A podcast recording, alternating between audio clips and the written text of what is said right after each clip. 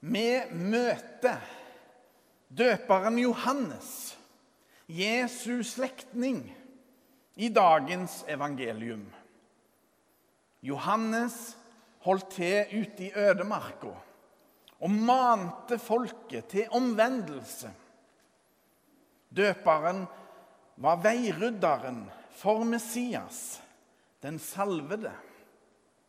Han var sendt for å peke på en som var sterkere enn jeg, som Johannes sjøl sier det. Johannes døperen tar i bruk sterke ord når han taler. Bare hør sjøl. La oss høre Herrens ord. Gud være lovet. Halleluja, halleluja, halleluja. Det står skrevet i evangeliet etter Lukas. Mye folk dro ut for å bli døpt av Johannes. Og han sa til dem, Ormeyngel, hvem har lært dere hvordan dere skal slippe unna den vreden som skal komme? Så bær da frukt som svarer til omvendelsen. Og begynn ikke å si til dere selv, vi har Abraham til far. For jeg sier dere, Gud kan reise opp barn for Abraham av disse steinene. Øksen ligger allerede ved roten av trærne. Hvert tre som ikke bærer god frukt, blir hugget ned og kastet på ilden. Hva skal vi da gjøre? spurte folk. Han svarte, Den som har to kjortler, skal dele med den som ikke har noen. Og den som har mat, skal gjøre det samme. Det kom også noen tollere for å bli døpt. Og de sa til ham, 'Mester, hva skal vi gjøre?' Krev ikke inn mer enn det som er fastsatt, svarte han. Også noen soldater spurte ham, hva skal så vi gjøre? Og til dem sa han, press ikke penger av noen ved vold eller falske anklager, men nøy dere med lønnen deres. Folket gikk nå med forventning, og alle tenkte i sitt stille sinn at Johannes kanskje var Messias. Da tok Johannes til orde og sa til dem alle.: Jeg døper dere med vann, men det kommer en som er sterkere enn jeg, og jeg er ikke verdig til å løse sandalremmen hans. Han skal døpe med Den hellige ånd og ild. Han har kasteskovlen i hånden for å rense kornet på treskeplassen. Hveten skal han samle i låven sin, men agnene skal han brenne opp med en ild som aldri slukner. Dette og mye annet la han folket på sinne når han forkynte budskapet for dem. Slik lyder det hellige evangelium. Gud være lovet. Halleluja, halleluja, halleluja.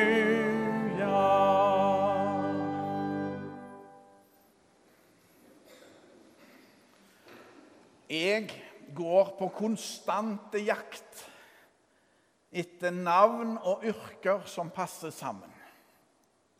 Jeg har sikkert nevnt det før, men la meg nevne det igjen.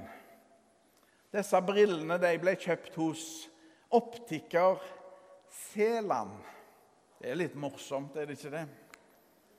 Eller eh, har dere hørt om byggmester Sagen?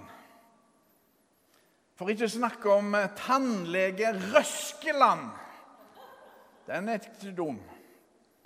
Eller brannmester Svihus. Og jeg hørte nettopp om politimester Rus. Den er litt artig. Ironiske navn. Men mitt nyeste funn på denne fronten, det er følgende Forrige søndag, eller for ei uke siden, da det rakna, virkelig rakna for Vålerenga, og de rykte ned fra Eliteserien Hva hette han som skårte først og reduserte til 1-2 for Kristiansund ballklubb, KBK? Jo, han heter Rakneberg. Den er ikke dum, syns jeg. Kall meg gjerne barnslige, men sånn så det syns jeg er litt morsomt. I år faller julaften på en søndag. Faktisk på fjerde søndag i adventstida. Det betyr at dette er siste søndag før jul. Og siste søndag før jul kalles ofte for skitten søndag, siden så mange ting må på plass siste uka. Det er kanskje ikke så mye julestemning å spore i den teksten vi nettopp har lest. Men den dreier seg i aller høyeste grad om advent. Adventus domini, Herrens komme, eller ankomst. Så bær da frukt som svarer til omvendelsen. Ingen kan vel si at døperen Johannes er lite tydelige. Ingen kan beskylde han for å være vag og ullen i sin tale. Her er det rene ord for pengene. Av og til må det til. Når noen skal vekkes opp av sløvhet og sjølgodhet, er det kun klare ord som nytter. Johannes peker fram mot den som skulle komme, og som virkelig kom. Av og til har jeg undra meg litt over døperen Johannes. Hvordan stemte døperens forestilling om Messias med Jesus? Den Messias som faktisk kom. Jeg har en mistanke om at Johannes ble sjokkerte over Jesu godhet og mildhet. For Jesus var gode og milde mot de svake, inkluderende og rause. Samtidig var Jesus ramsalte og kritiske mot de sterke. Akkurat som Johannes sjøl. Jesus ser ut til å kun sparke oppover mot de mektige. Mot den religiøse eliten som hadde makt og penger. Vi ser en fullstendig ærbødighet hos Johannes overfor den som han peker på.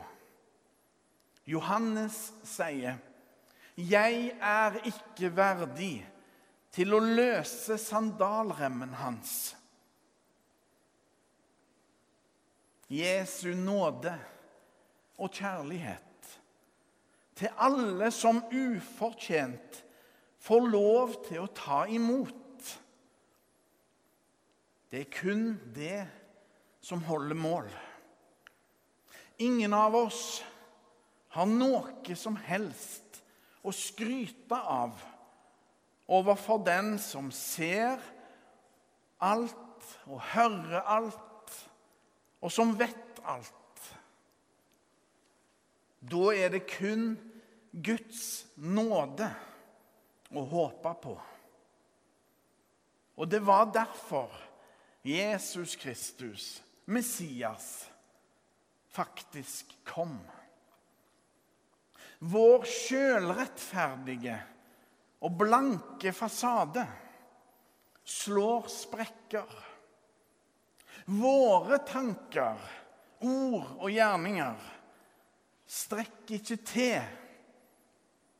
Guds kjærlighet i Jesus er det eneste som holder mål. Det eneste å satse på. Slik er nattværmåltidet med på å minne oss på hva som gjelder. Det gjelder å ta imot helt gratis. For han som skulle komme, han kom. Og han skal en gang komme igjen.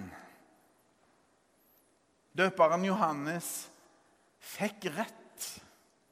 Hans ord er derfor tidløse. Forrige uke feira vi i alt seks barnehagegudstjenester med ca. 480 deltakere i dette rommet.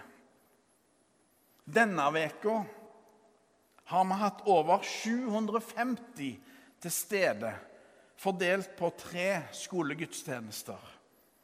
Altså over 1200 til sammen. Julebudskapet gjelder alle aldersgrupper. Og i kveld klokka 17 er det klart for Vi synger julen inn. Velkommen til liten og stor. Johannes, Navnet Johannes betyr 'Gud er nådig'. Jesus, eller egentlig Jeshua, betyr 'Herren frelser'. Både Johannes og Jesus har rette navn. Kall meg gjerne feige. Men av og til må jeg innrømme for meg sjøl og vår Herre Jeg tør ikke annet enn å håpe og tro. For mørket og ondskapen virker så skremmende, så altoppslukende, så dominerende jeg håper på deg, Jesus. Da klarer jeg bare å sukke fram ei enkel bønn. Gå du med oss, slik som du har lova.